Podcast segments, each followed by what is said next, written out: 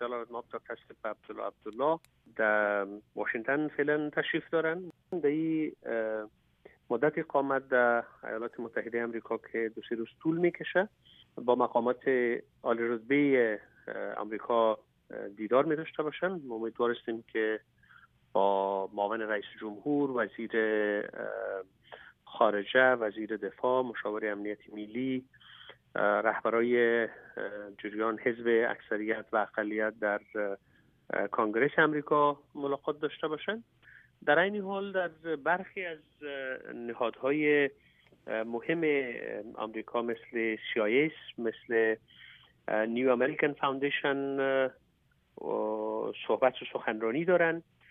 در مورد وضعیت و تحولات در افغانستان.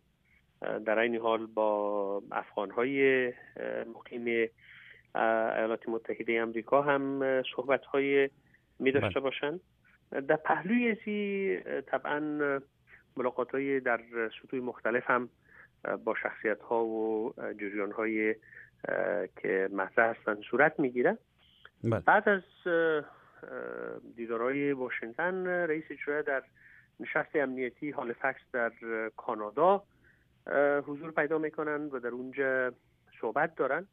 بله. و بعد از صحبت و حضور در فکس سفر به نیویورک هم دارن که قرار است با سرمنشی سازمان ملل و همچنان در مجمع عمومی در مورد خطرنامه‌ای که در مورد افغانستان در امی ما برای گیری گذاشته میشه صحبت داشته باشه چی پیام را رئیس صاحب اجرایه با خدا آورده؟ به ویژه در مورد استراتژی جدید ایالات متحده.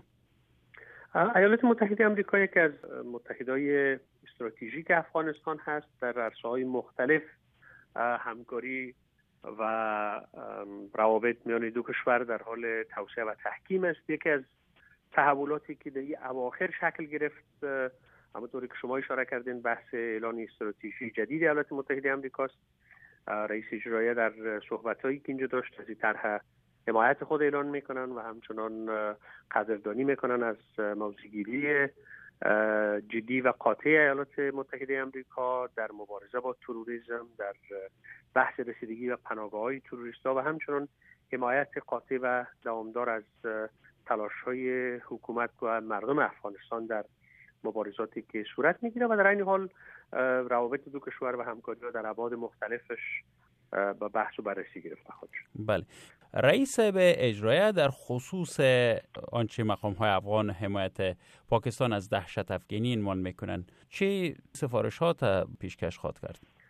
فعلا به عنوان جزی از استراتژی رسمی ایالات متحده آمریکا در آمده و تمام کشورهای عمده و مطرح هم پذیرفتن که پاکستان به عنوان حامی تروریسم و به عنوان کشوری که برای تروریست ها پناهگاه فراهم می‌کنه در معضلات افغانستان دخیل است بحث فیلی ما روی چگونگی عملی ساختن طرح و برنامه مال فشار برای پاکستان خواد بود. و رئیس اجرایی در صحبتاش طبعا به این قضایا می‌پردازه. هم در صحبتهایی که در واشنگتن صورت می‌گیره هم در کانادا و هم در صحبتهایی که در مجمع عمومی صورت خود گرفت. البته در مجمع عمومی قضایای مختلف دیگه هم به بحث گرفته میشه که افغانستان با سازمان ملل با نمایندگی سازمان ملل و با کشورهای عضو در عرصه‌های مختلف روابط همکاری و قضایایی دارن که به اون مسائل هم دهی صحبت ها پرداخته خواهد شد. ممنون شما جناب دکتر صاحب. بیشتر با شما در تماس خواهد بدیم حتما انشالله